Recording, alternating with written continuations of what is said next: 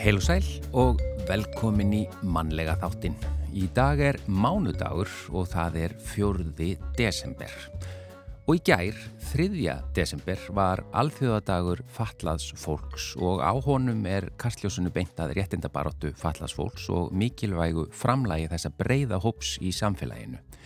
Fólk með föllun er um 15% mannkins og samkvæmt skilgreiningu, eða samkvæmt skilgreiningu alþjóða heilbreyðustofnunar einar eða um 57.000 manns hér á landi.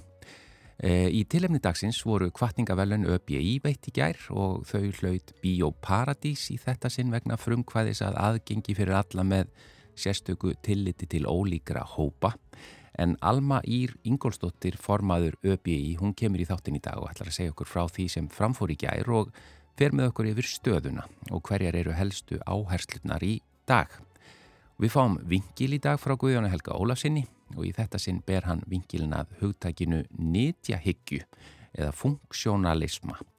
Svo ætlar hann að auki að gefa okkur aðvendu stemninguna frá Bjarnar Guðmundsinni á Kvanneri til að setja okkur svona eða setja þetta allt saman í samhengi og lesandi vikunar í þetta sinn er Ingi Björg Dögg Kjartansdóttir en hún er ein af þremur rittstjórum heimildarinnar Og bókin Ég verð aldrei ungfrú meðfærileg sem hún skrifaði um æfi Guðrúnar Jónsdóttur er nýkomin út og við fáum að heyra aðeins um þá bók og svo auðvitað segir hún okkur frá því hvað hún hefur verið að lesa undanfarið og hvaða bækur og höfundar hafa haft mest áhrif á hana í gegnum tíðina.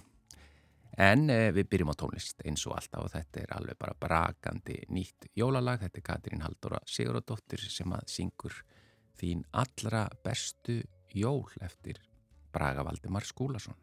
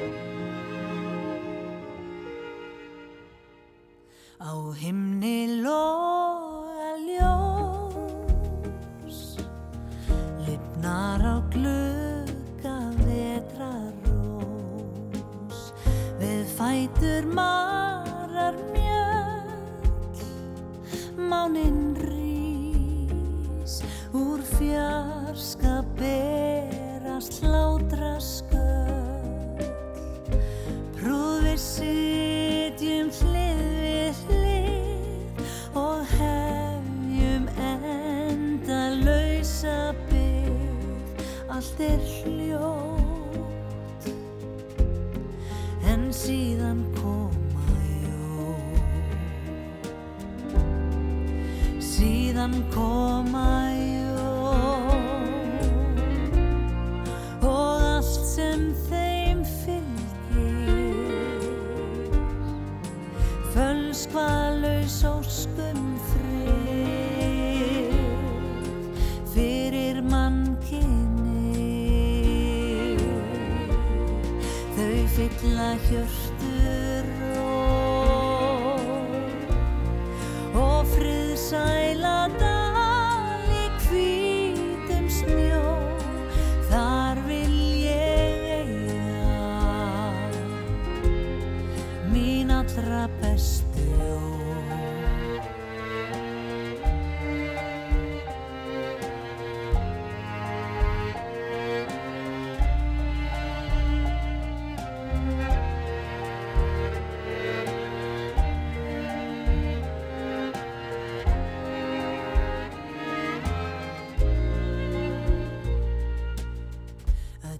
eftir væntingin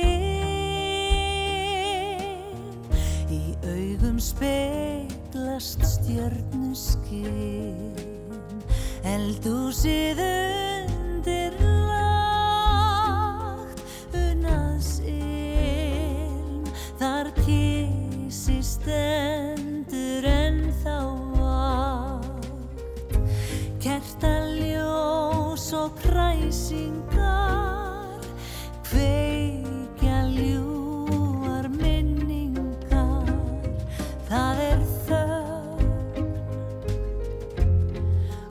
og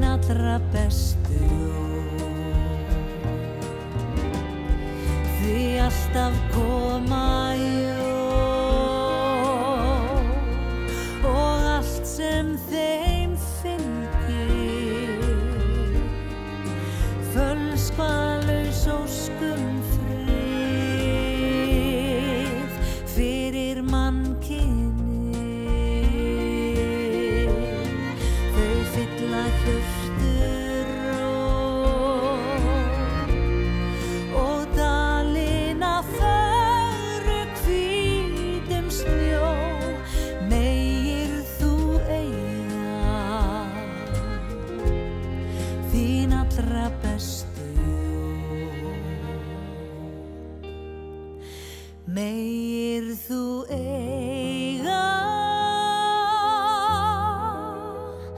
þín allra bestu jól.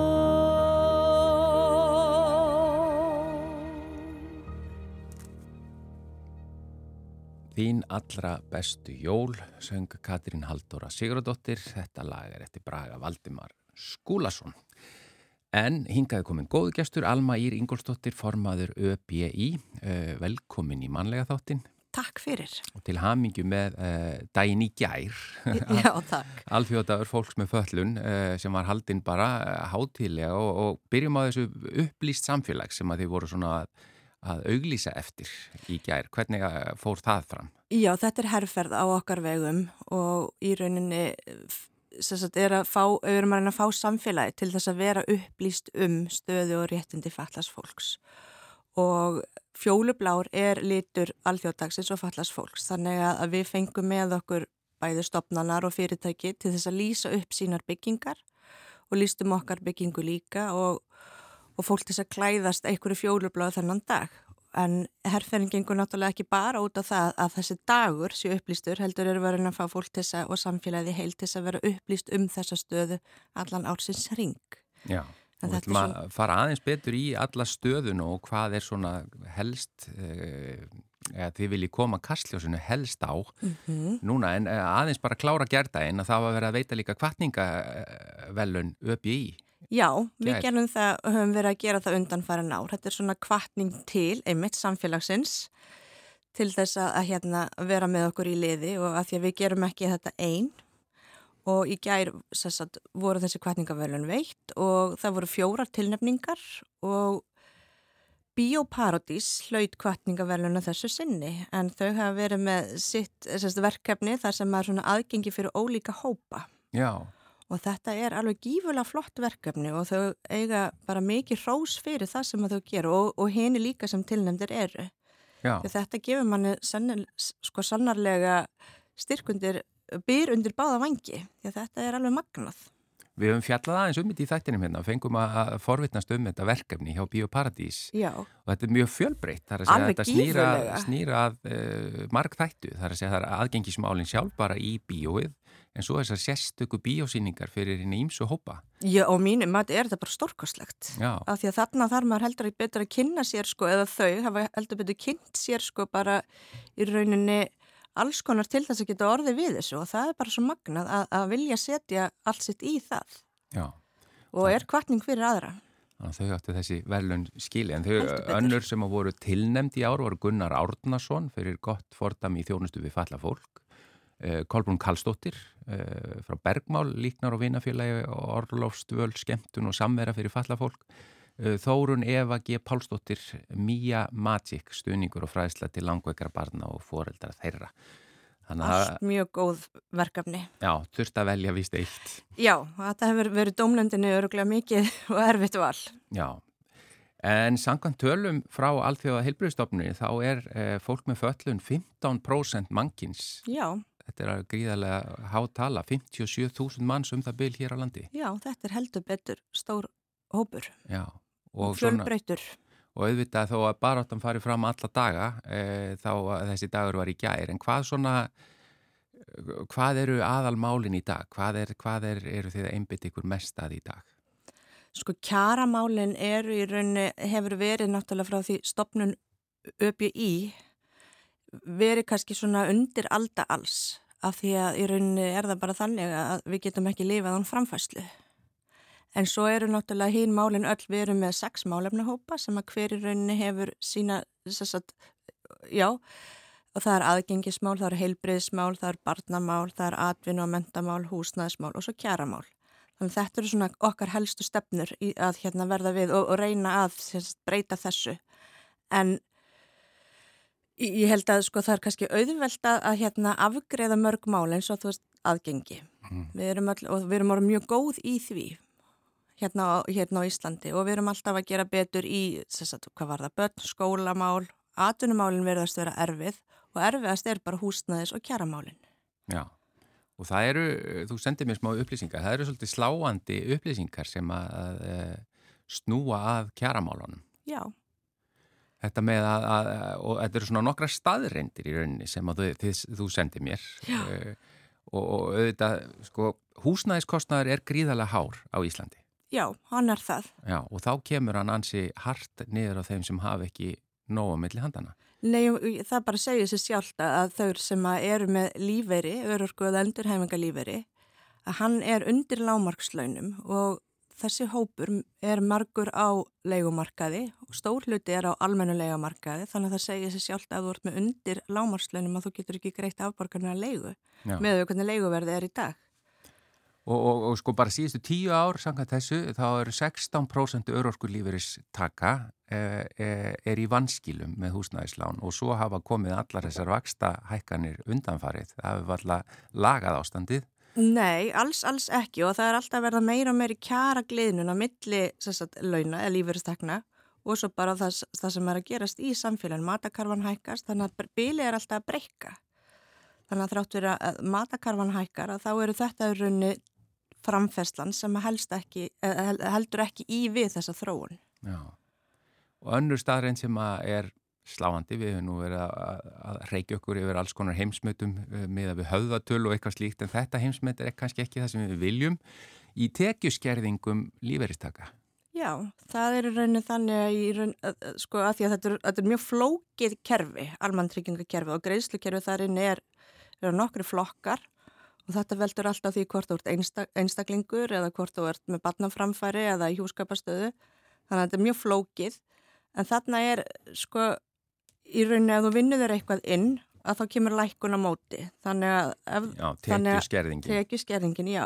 Og hún er, í rauninni á heima í svo mörgum flokkum þannig að sama hvað gerist þá skerðast í rauninni alltaf tekjunar til þín. Sem er ekki endilega háar fyrir. Nei, og þarna er náttúrulega sko, talaður um að það sé alltaf verið að fá eitthvað virkni inn í þennan hóp til þess að koma sér aftur út í, komast aftur út í samfélagið. En þegar að þetta er staðrendin þá er þetta náttúrulega ekki kvartning. Já.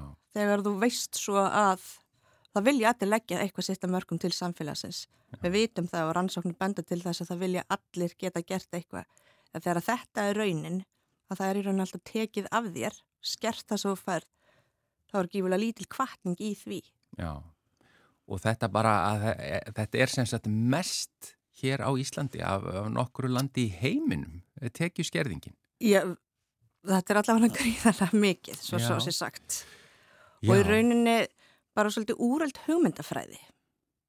Af því að því meira sem við vitum það að, að því meira sem þú færð í veskið þitt, já, já.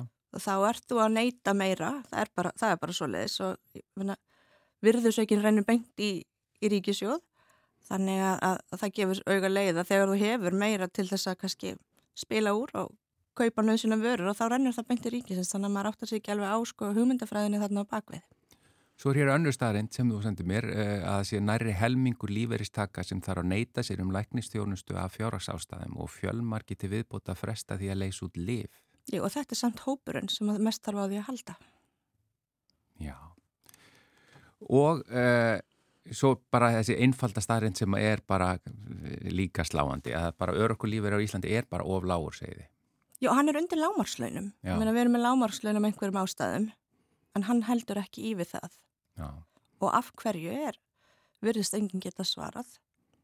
Þannig að það er uh, fyrir nægu að, að berjast.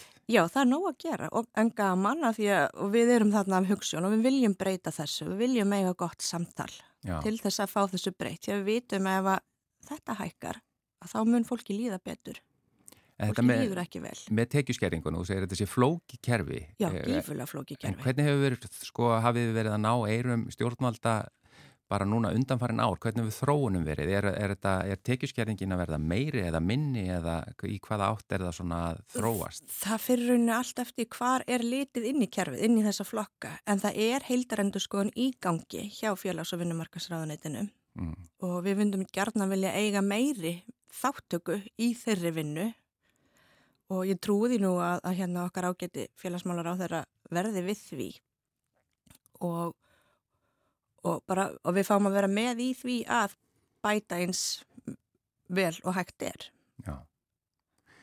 Já, eh, þetta er, ég menna, það er um, fyrir nóg að berjast eins og ég segi, Alma Ír Ingolstóttir, formaður ÖBI, þessar staðrindir sem þú sendir mér, sem eru hér, við erum búin að vera að tala um, það þarf að gera eitthvað þarna.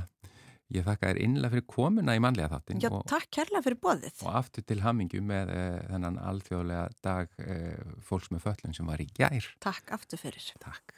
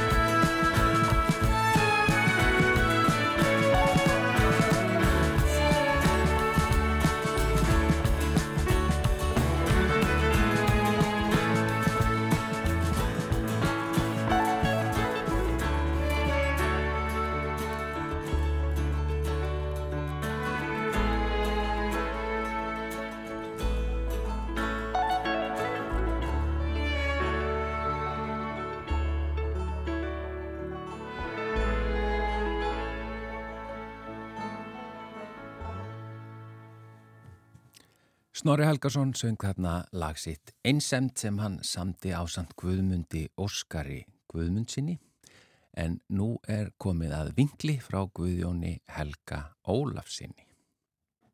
Ágætu hlustendur. Stundum er maður búin að vita af ákveðnum orðum lengi og jafnvel notaði töluvert í daglegu tali án þess að taka fullkomlega í sátt. Þetta er hálgerir laumufarþegar. Ég fór að hugsa um eitt slíkt í gæri eða fyrir að dag, búin að gleyma hvernig á því stóð en er mann eftir að hafa ákveði fyrir svefnin að ef ég myndi enn eftir því yfir morgunkaffinu daginn eftir, skildi ég skoða það aðeins nánar. Fletta kannski upp og leitar vel og, og sjá hvað kemur út úr því. Hún stóð líka heima. Orðið var enn á sveimi um heila börkin þegar ég vaknaði þannig að ég neytist til að gera eitthvað í því og gera þess einhver skil þó ekki væri til annars en að fjarlæga það úr þanganum. Orðið er endur ekki merkilegt og mig grunar að hægt sé að færa fyrir því rauk að það sé ekki einu sinni íslenskt. En kannski búið að þrauka nógu lengi hérna til að hafa öðlast þegnrétt kemur í ljós. Orðið er funksjónalismi og einföld leit á netinu leiðir mann fljótlega að ágætri íslenskri þýðingu þess sem er virknihyggja. Á Wikipedia segir eftirfarandi um virknihyggju, virknihyggja, verkhyggja, hlutverkastefna, funksjónalismi eða nýtistefna er viðtæk kenning á mörgum sviðum. Virkni hluta eða kerfa er þannig líkill í virknihyggju. Oft er talað um struktúralisma sem mótvægi virknihyggju. En struktúralisti myndi heldur vilja skoða uppbyggingu frekar en virkni. Greining virknihygjumanna í félagsvísindum lýsa virkni samfélagsins og segja að kerfi stopnana sé nota til þess að varðveita og viðhalda samfélaginu sem það er hluti af. Virknihyggja er einnig til í arkitektúr og kallast funkismi, komið af funksjónalismi. Þar er stefnan að notagildi húsa sé sem mest og taki mið af því sem þar á að gera. Virknihyggja í hugarheimsbyggi segir að ástand huga sé eingöngu það hlutverk sem það sinnir. Á sama hátt má skilgreina öll hugtök út frá virkni og segja til dæmis að tæki sem veiðir mís sé músagildra virkni skilgreinir hugtakið. Tilvitnum líkur, já, þetta er kannski ágætt og, og leiðir nú jólasveina eins og mega þeirri hugsun hvort virkni muni þá sangvætt öllum ismunum sem taldir eru upp hérna framann mögulega tromba aðra pósta eins og til dæmis fegurðarskinn, umhverfisvend, íbúa líðræði og jafnvel eitthvað stórkostlegt eins og fjárlaga áætlun ríkistjórnar líðveldisins eða sjengensamningin eða getur virkni hyggja átt samleið með slíku og jafnvel verið mikilvægur hluti þeirra. Maður spyr sig og ef við tökum nú dæmi úr Wikipedia greininni þar sem talað er um að nota gildi húsa sé sem mest og taki miða því sem þar á að gera og reynum að bera vingilinn að algengri gerð atvinnuhúsnæðis á Íslandi árið 1950 Hvernig skildi dæmi líta þá út? Á þeim tíma er heimstyrjöldinni síðari nýlokið. Ísland er enn svona á barmi vélaaldar, hún er ekki að fullu hafin hérna og mikið af því húsnæði sem geymir annan helsta atvinnuveg þjóðarinnar á þeim tíma, nefnilega landbúnað, er enn að hluta til byggð úr torfi og grjóti. Og maður spyr sig, var það kannski funksjónalismi? Ætli við ættum ekki að leita í smiðju til Bjarnar Guðmundssonar profesors á Kvanneri. Hann hefur öðrum fremur leitast við að rannsaka bútæknilegan funksjónalisma 20. aldar, ef ég má gerast svo djarfur að sláum við með hugtökum fræðigreina utan minnar sér fræðiþekkingar, en Bjarni hefur nýlega gefið út góða bók með æskuminningum sínum en hann ólst upp á bænum kirkjubóli við dýrafjörð. Og best að játa strax að ég held mikið upp á bjarna og skrif hans og er þess vegna hlutdrægur eins og sagt er, en ekki sá eini því að bækur hans hafa selst í bílförmum. Tek fram að Bjarni veitti góðfúslegt leifi til að byrta eftirfarandi textabrót með kærri kvæðju til hlustendar ásar eitt. Nú er liðin fyrsti sunnudagur í aðvendu og okkur ber í tilöfni þess niður í kaplan um jólabað kindana og tilvitnun hefst. Einhvern veginn fannst mér þetta verk marka skilin á milli hausts og vetrar í fjárhúsunum. Stóri böðunardagurinn. Þann dag snerist allt við í húsunum og eiginlega inn í bæ líka. Nú skildi allt fjöð drifið í bað til að reka úr því óværuna, stemma stegu við kláða og öðru ófétti. Þetta var raunar fyrirskipuna sunnan, henni bar að hlýða. Í aðra fjárhúsjötuna höfðu þeir móðurbróðir og pappi steft mikið baðkar og síðan múraði hallandi jötubotnin svo baðvatnið sem rann af kindunum rataði aftur ofan í karið. Áður var notað baðkar úr timbri sem flutt var á milli bæja á hestakerru. Nýja karið var kallað sundkar því svo djúft var það að kindurnar kendu ekki grunns. Kvöldið fyrir böðun var tekið til við að bera vatn úr brunninum í veitunni í karið. Ótal margar ferðir fóru þeir fullotnu, hvor með tvær fötur. Því rennandi vatn var ekki í húsunum. Einu sinni var svo svellað á jörð að þeir eruð að taka á sig mannbrota. Ískallt var vatnið að sjálfsögðu. Því hófst böðunardagurinn á því að fari var með sjóðandi vatn úr stóra pottinum sem kynntur hafi verið upp á maskínunni heima í eldhúsi. Það tók sárasta kulið úr baðvatnani. Nú var hennu gráa og leðjukenda baðlefi gamatox blandað úti. Andstyggileg lyktin steig upp á því og átti þó eftir að verða enn verri er leið á böðunina. Og verkið hófst. Eina af annari hófu þeir ærnar ofan í baðið, þar sem tvær voru samtímis. Baðstjórin, einar og bakka, fulltrúi hins opinbera kerfis, stóð með klukku sína. Þegar útmældur tími var liðin, kallaði hann Tíminn! Eldsnögt gripu þeir fyrir vit ána í baðinu og ráku þær á kaf áður en þær bröldu fyrir eigin afli að mestu upp í jöturennuna, ræfilslegar og mjóslegnar. Grá leðjan rann af þeim og þær hristu haus duglega. Ég hafði svo sem litla samúð með ánum og gemsunum, sem enn hétt að vísu lömp, en óskupsnautlegt var að sjá hornahöfðingjana, spag, prúð og jökul standa þarna eins og berrasaða upp í jötu, svifta tignsinni og virðuleik fyrir framann allar erðnar. Hjálparmenn dróu að baðkarinu, gerðnan þórður eða einhver þeirra múlafeðka. Verkið gekk hratt og skipulega. Svo komu hólamenn með sitt fétilböðunar, byrtan var stutt. Því varðaði miklu að halda þétt á. Ólíuluktir hjálpuðu til við að lýsa upp vettvangin. Verki lauk sjaldan fyrir en komið var fram í rauða myrkur. Það reið á að koma hólafénu strax heim, engum ef kalt var. Það mátti ekki slá að fénu. Ullin var stundum fljót að frjósa í klebra. Ég heyri enn hinn draugalega din af glamri frostklebrana hverfa út í rökkrið þegar hólaféð hleypur á stað heim á leið. Og svo hefur síðasta kind verið böðuð. Einar á bakka færir sína böðunar skýrslu. Þeir pappi og móðurbróðir taka til við að koma grindum og milligerðum á sinn stað. Öllum kindum til síns heima. Á skamri stund er kvöldgjöfum lokið og yfir húsum hljóðnað. Fátt heyrist nema hornaspil og átljóð gráðugra kindana. Dampurinn í húsunum verður sem þoka á vor kvöldi. Stækjan af baðlefinu er rót sterk og illþefjandi. Það er þó eitthvað framandi við hana, sannfæring um það að þýðingarmeitlu verki sé lokið. Að öllum verkum loknum er sestað kvöldverði, nýreikt hangikjött. Mikil og góð máltíð eftir erfiðið. Bærin ángar af góðmetinu. Síðar þótti mér sem ókræsilegur fnikurinn af gamatóksbaðalifinu og hinn indæli hangikjötsilmur í lok böðunardagsins stóra mörkuðu upphaf aðvendu. Böðuðu með sínum hætti komu jóla. Tilvitnum líkur og við þakkum Bjarnar Guðmundssoni kærlega fyrir að leiða okkur aftur í tíman fyrir hugskottsjónum. Veit okkur sín á sjötugan funksjónalisma vestur í dýrafyrði. Sem ég lingdi aftur augunum og rifjaði upp aðvendustemningu úr minni æsku. Ég fjalla kannski nánar um það efni setna en mín aðvendu upplifun nær ekki svona langt aftur. Bjarni er nokkrum árum eldri en ég. Eh, Að þá reyðjuðast upp fyrir mér af hverju þetta orð festist í minni gerdagsins. Ég var nefnilega að velta fyrir mér hvernig funksjónalismi eins getur verið bölfun annars.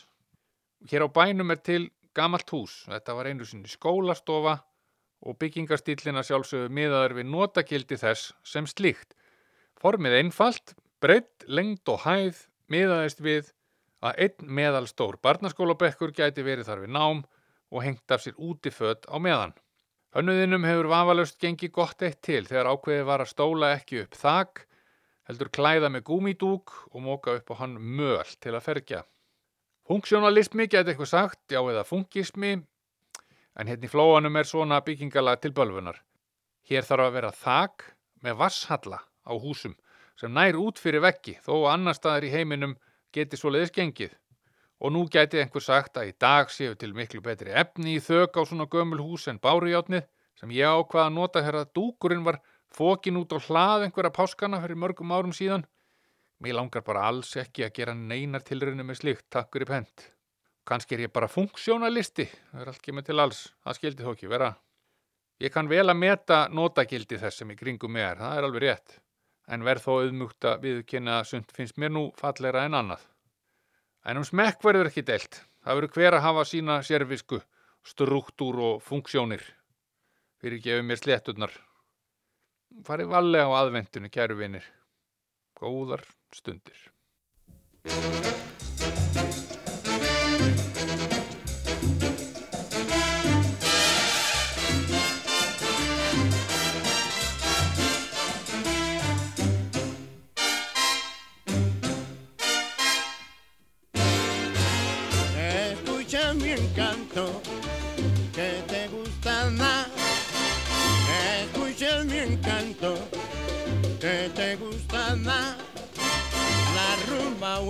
Con la fiesta de santo.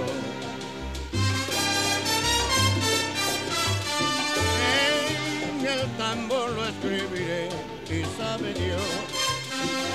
En el tambor lo escribiré y sabe Dios si a ti te guste también la conga y te componga y baile mi guaguanco. A ti te guste también la conga y te componga y baile mi guaguanco.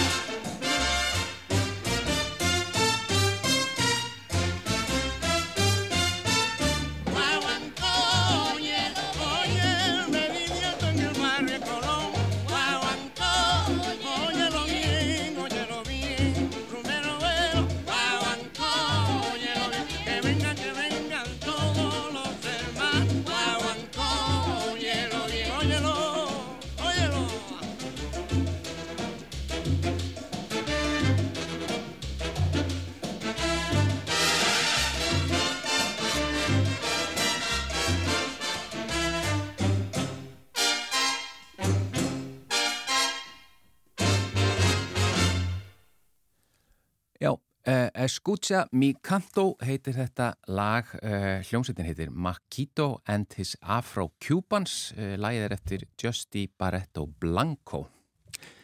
En það er komið að lesanda vikunar. Hún er hinga komin Ingibjörg Dögg Kjartansdóttir, hún er eina fremur rittstjórum heimildarinnar. Velkomin í manlega þáttin og takk fyrir að taka þér að vera lesandi vikunar. Já, takk fyrir. Kondi aðeins nær hljónumannum. Er þetta er flott svona. Eh, Þú bara varst að skrifa líka bók eh, Já. um æfi Guðrunar Jónsdóttir. Ég verð aldrei ungfrú meðfærileg. Akkurat. Segðu Ég- okkur aðeins frá henni. Já, ég held að hérna, titillin henni sóttur í hérna, upprist sem hún gerði í borgarstjórn Reykjavíkur þegar hún klætti sig í hérna, kjól og kórunu og setti á sig borða sem stóð ungfrú meðfærileg sem sagt var í hlutverki fjörudrottningar á hérna, borgarstjórnufundi til að mótmála kallrembu borgarstjóra. Og þetta er svona svolítið eftirmennileg gjörningur um, þar sem hún var svolítið svona hrist upp í samfélaginu. Og hún var náttúrulega, hún var oddviti kvennaframbásins á sínum tíma en hún var líka aktivisti. Og hún var svona reynar reyfa við sko samfélaginu með því að setja, þú veist, kasta alltaf svona sprengjum inn og hérna setna þegar hún fór út úr pólitíkinni þá hérna í gegnum pólitíkinni stafnur kvennaráðgjöfuna og hérna það er fyrir að heyra sögur kvenna af kynbundna ábyldi og hún hafði starfa áður sem batnavenda fulltrúi og verið í braggakverfunum til dæmis þar sem að hún varð þess ekki áskinja þú veist eh, að börn væri beitt ábyldin á heimilum og sifjaspillum og hún tók þessu rosalega nærri sér að hafa verið eitna, í þessari stöðu þar sem að úrræðalesi var algjört og, eitna, og svo þurfa setna að mæta þessum konum á öðrum forsendum og heyra það sögur þeirra að hún varði einhvern veginn mjög einsætt í, í því að eitna, rjúfa þegnunum kemfyrirsöpildi í íslensku samfélagi og var í leikil hlutverki þegar koma að stopnum stígamóta og að setja þú veist uh, bara eins og málefnus og sifjaspell og dagskrá þegar samfélagi vildi bara ekki trúa því að íslensk börn og íslenskum heimilum og þar sem íslenski feður eða frendur eða afar gæti mögulega brotið með þessum hætti gegn börnunum sínum. Og ég vil ekki hennar sko samstarfskonur í kvennarhagjöfn sem voru þá bara mjög framsýnar og feminískar sko, vildi trúa því að vandin var jafn alvarlegur og hún vildi meina og síðan raun bara vitni sko. Eirun voru eh, ekki jafn opinn á þessum tíma. Eh, alls ekki og þetta var sko rosalega framandi fyrir hérna, íslensku samfélagi eh, og hún ætla mætti mikill anstöðu á þessari vekkverðsinni og, hérna, og bara mjög oft verið reynd að skjóta hana niður og hérna, til dæmis köllu fyrir hérna, í yfirheyslu hjá rannsóknar lauruglunni vegna þess að stóð ofinbörlega eh, með brotaþólum biskups þegar biskupsmáli hófst ára 1996 og hérna, stígamót þurfti að undirgangast mikla svona hérna,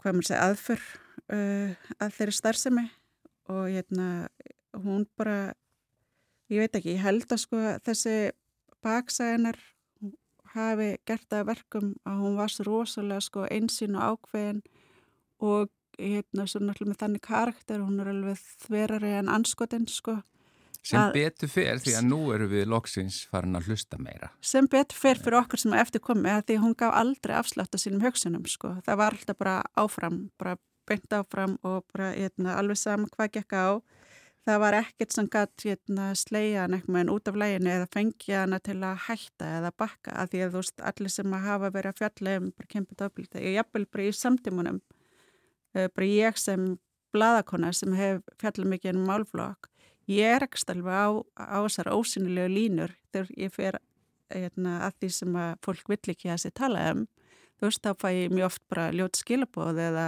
eða ég bara eitthvað kemferðslega skilabóð eða ógnanir eða eitthvað þannig. En ég get rétt ímyndum mér hvernig þetta var sko 1980 eitthvað. Mm þegar það var einhvern veginn ekki margir að tala um þetta og samfélagi var svona lokað og ekki tilbúið endilega í hennar slag sko.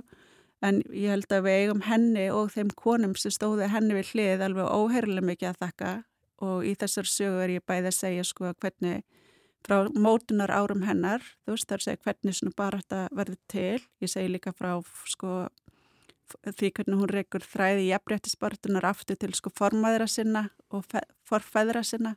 Þú veist til dæmis ammenar hérna, fyrirfór sér eh, vegna fæðingaþunglindis uh, allt er þetta eitthvað sem að mótar einstaklingin og svo mætur hún náttúrulega miklum sko áskorunum, þú veist, hún er mjög druslu skammu þegar hún verið basshafandi utan hjónabands og, hérna, og er refsað mjög harkulega fyrir það. Og hún þarf að skilja barnunga dóttu sinna eftir til að komast utan í háskólanám hér á Íslandi, bara mánuða gamla og kemur heim fyrst í félagsrækjaðan á Íslandi. Og ég er svona er einhvern veginn að fara í gegnum það annars vegar bara hvernig svona baráttukonu verði til svo hvaða áhrif hún hafða samfélagið. Og ég leiðir ég reyna bara að segja hérna, teiknum myndina því hvernig samfélagið var og hvernig það hefur breyst og þess að barða svo íslenskra kvenna því að Guðrún var náttúrulega ekki einn þú veist Já. þetta er hópur og konu sem breyti samfélagin á, á mjög mikið á tíu ára tímabili og hérna því miður hefur bara þær skapa þarna þú stígamót uh, neðamóttöku vegna neðgana kemur hann nokkrum ára setna þú veist konu verður fórseti hvenna frambóð kemur fram, hvenna listin kemur fram hvenna ráðgjöfum verður til, samtök hvenna gegn vinn, uh, samtök hvenna vinnumarka sem berist gegn einu kempinu leinamisrétti þú veist allt þetta gerist bara tíu ára tímabili það verður bara svona ofur kraftur Já. um, sem, Það voru þessi brautreiðendur sem að íttu þessu já, já, já í gegn. Já, já, já, og hvenna atkværi líka. Já, um bara því meir, þú veist, á einhvern veginn vantar okkur dálítið þennan slagkraft í dag, sko, og hérna, hún er einmitt að segja sögu sína, þú veist, og hún berskjálta sig alveg, að segja allt og op ofinbera öll sín sár og alla sínar hérna, áskorunir og allt þetta og hvernig hún hefur yfirstíða og hvernig það er að mótmæ- mótlæti og hvernig er best að vapnast í þannig þú veist, bara með húmor og, hérna, og fallu sambandi, þú veist, ástarsambandi til Mhm. dæmis, að því hún átti alltaf skjól heima það gaf henni svo mikið Já. uh, já, til Þannig að- þess að hvetja ungar konur í dag til að halda áfram, taka við og Þannig að titillin er hansi góður. Ég verð aldrei ungfrú meðfærileg, hann er mjög lýsandi. hún verður aldrei meðfærleg held ég Já, en vindum okkur aðeins í þinn lestur. Já. Eh, Þess vegna ertu hingað komin. já, takk. Uh, þú ætlar fyrst að segja okkur frá bókin hennar Auðar Jóns, Högna. Já, já, ég var að lesa hana um helgina og bara ótrúlega áhugaverð tilraun til þess að skoða emmitt, erfa að kalla, fyrst við erum að tala um það, Mm. um, og hvernig hérna, við þessi samfélag eigum að takast á við karla sem að hérna, koma illa fram. Og mér veist að hérna, hún er alltaf að tala svo beint inn í samtíman að hérna, maður velta fyrir sér sko bæði hvenar er rétt að, að hvað er réttlæti í hverju felsta og hvernig þú veist, er það það að menn sem koma illa fram stíi til hliðar og hérna axla ábyrð, en þú veist mér finnst þetta alveg ótrúlega áhugaverð pælinga því enginn á þetta rétt á rými og sérstaklega ekki ef hann kemur illa fram og, hérna, og sem betur fer er samfélagið þannig að ef að menn er tilbúin til að gangast við eigin gerðum og hérna axla ábyrð og sérstaklega ef þeir sína yðrun þá eiga allir afturkvæmt og hérna flestir eiga nú, flestir eiga nú hérna alltaf afturkvæmt alveg í rauninni óhag hvernig það bregðast við sko en það er samfélagi rosalega fljótt að fyrirgefa þegar hérna menn sína vilja til þess að axla ábyrða einn gerðum.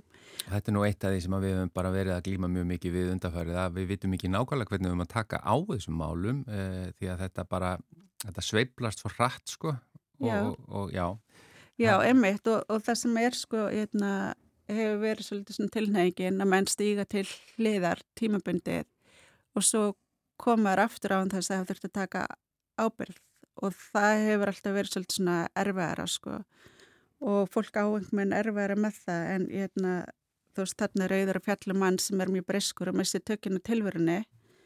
Og ég, þú veist í kjálfari kemur ímslegt upp á yfirborðið uh, sem að hérna, í rauninni hann hefur ekki þórat að hérna, harfast í eiguvið eða takast á við af því að hann er sko búin að hafna sjálf sér þannig að hann þórir ekki lengur að vera til eða hérna, hann þórir ekki að taka plás hann þórir ekki að finna til.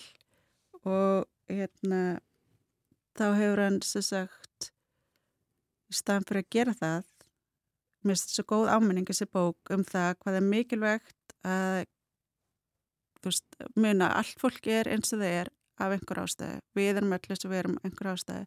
Og við höfum það svolítið hend okkar hvernig við þróumst uh, og það veldur oft svo mikið á því hvort við sko þórum að sitja í þjáningunni og hvort við höfum hugrekki til að leifa okkur að finna fyrir erfiðum tilfinningum og takast á við erfiða reynslu eða hvort við reynum að bæla það allt niður. Þannig að það grefur sig einhvern veginn djúft ofan í sálulífið og smitast út í einhvern veginn allt sem við erum og allt sem við gerum og hérna já, og einhvern veginn svona vindir upp á sig endalust og mér finnst ég sá þetta svo oft í kringum mig hvað það skiptir miklu máli að geta bara að opna sárin og hreinsað út og það, það sem ég erst áhugaverðast við þessa bókuna rauðar. Högni eftir auði Jónsdóttur, svo ætlaði að segja okkur frá Saknaðar Ilmi eftir Elisabeth Jökuls. Já, emitt, talandum svolítið svipa þema í rauninni samt allt annað. Mm. Uh, flókið samband, uh, flókin samskipti í nánir sambandi þarna milli maðgna og það sem að mér finnst svo magna við Elisabetu er hvað hún leiði sér að vera hrá og hérna, heiðarlega með sína upplifun og sínar tilfinningar og sínar hugsanir. Og hún er ekkert að hlýfa sjálfur sinni eitt eða mömmu sinni í þessari bók. Þetta er bók sem fjallar um hérna, samband hennar við móðurinnar og skrifið eftir móðurinnar er látin og þá sér hún náttúrulega mjög margt í öðru ljósi og sérstaklega eftir hún kemst í dagbækur móðu sinnar þar sem að hún ekkert meðan sér hvernig ákveðin samskipti þeirra milli mörguðu móðurinnar á hátt sem Elisabeth grunað aldrei uh, þannig að hún sloknar aðeins á reyðinni Mm. og hún fær meiri, meiri skilning á mömmu sinni og hérna já, mér finnst þetta bara rosalega sterk frásögn af sambiti maðurna sem er ófullkomið og mér finnst það sterkt að hún leifið í að hún, hún leifið sér að koma fram með öll þessi hérna, samband sín sem eru bara ófullkomin og er ekkert að reyna að teikna upp einhverja glansmynd af því sem er það sem að tilnefingin er svo oft til að gera tala um það sem er gott að sleppa því sem er vant Já. Eh, viltu tala um eina bók en eh, stuttlega áður en við förum aðeins aftur í tíman eða það er eh, tímin alltaf flýgur frá okkur? Hvað er eitthvað sem þú vilt svona grípa til? Og þarna með Patti Smith. Já, emitt, talandi um ófullkomin samband, þú veist ég hérna, amma mín dó í haust og meðan hún lá banaleguna þá las ég fyrir hana Patti Smith Devotion, hérna Why I Write, af hverju hún skrifar sem er hlut af seríu frá Yale. Og hérna ég las þessa bók fyrir ömmu mína og ég las líka Múminálfana fyrir ömmu mína sem var finsk og hérna kannski líka í mitt vegna sem Elisabeth snerti mig svona þú samband okkur ömmu var mjög ófullkomið og hérna en mjög náið og hún var svona eina mínum já, nánustu aðstandendum í gegnum tíðina, einhvern veginn svona kletturinn í mínu lífi og hérna já, konan sem ég eitthvað jólanum með sko, en hérna ég veit ekki, stundum stundum þegar við vorum hana saman og hún var náttúrulega annars svo veikburða, hún gæti ekki tjá sig lengur. Og þegar mig skorti orð þá greipi ég bækur og las fyrir hana. Mm -hmm. Ég veit ekki af hverju ég las þessa bók. Patti Smith. Patti Smith, bara að því að mér fannst hún áhuga. Hún er að lýsa hvernig svona sköpunarferlið, já, lýsa svona hvernig sköpunarferlið, segir einhver sögu af eina stelpu sem er svona listanskautari.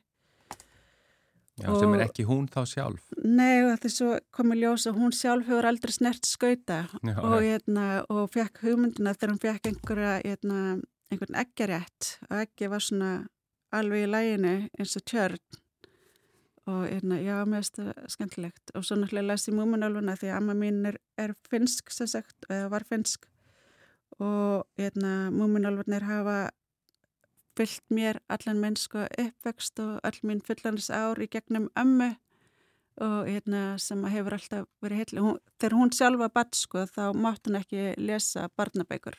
Hún las alltaf ferðahandbækur. Já. og fekk svona ósæðjandi útrá og ferðast svo setna um allan heim en það sem hún gerði líka þegar hún voru fullan þá fór hún að lesa barnabækur. Og hérna og gerði það alveg sko, bara ja, las þær alveg jafnum höndum sko við bara einhver mjög svona byrðilega skáldverk.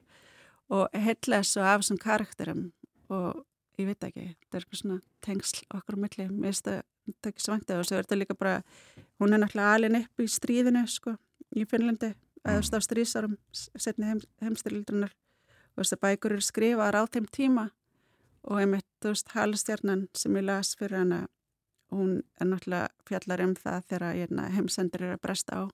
Þú veist, það er eitthvað að fara að lenda á jörðinni halstjarnar sem á að ógna öllu lífi Þarna komum við líka, við erum, þú, þú ert búin að ná að tengja núna að því alltaf einmitt í lokin er alltaf hvað hefur haft mest áhrif að þið gegnum tíðina. Það er augljóslega þá inn í því eru múminálöfnir eftir Tófi Jansson. Já, þessar finnsku rætur sko, það er náttúrulega hafa alveg sett sinn sveip á mig og hérna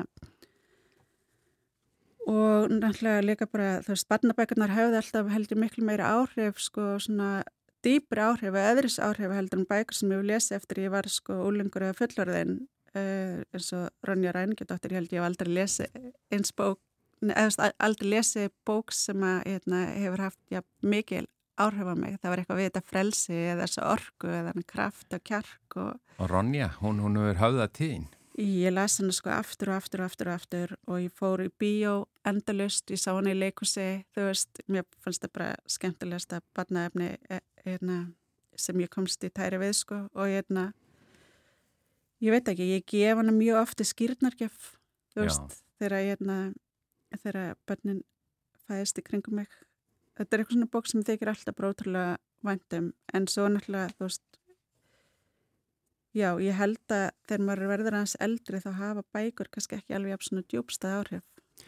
Já, að- sko Astrid Lindgren er mjög oft nefnd að í þessum kabla, þar sé í lokonum, eh, eh, hún hefur haft áhrif á mjög marga og það er, hérna, þú ert ein af þeim og það, þú nefnir hérna Ronju en það var væntalega kannski einhverja líka fleiri bækur eftir Astrid Lindgren. Já, já, og líka þú veist, ég mann þegar hérna, sonu minn var lítill og við fórum í tjaldútilega á þingvallum og við þurftum að stoppa, sem sagt, og við áttum, lágum þar í, sem sagt, sólinni og lásum, sko, elsku mjög minn Mm.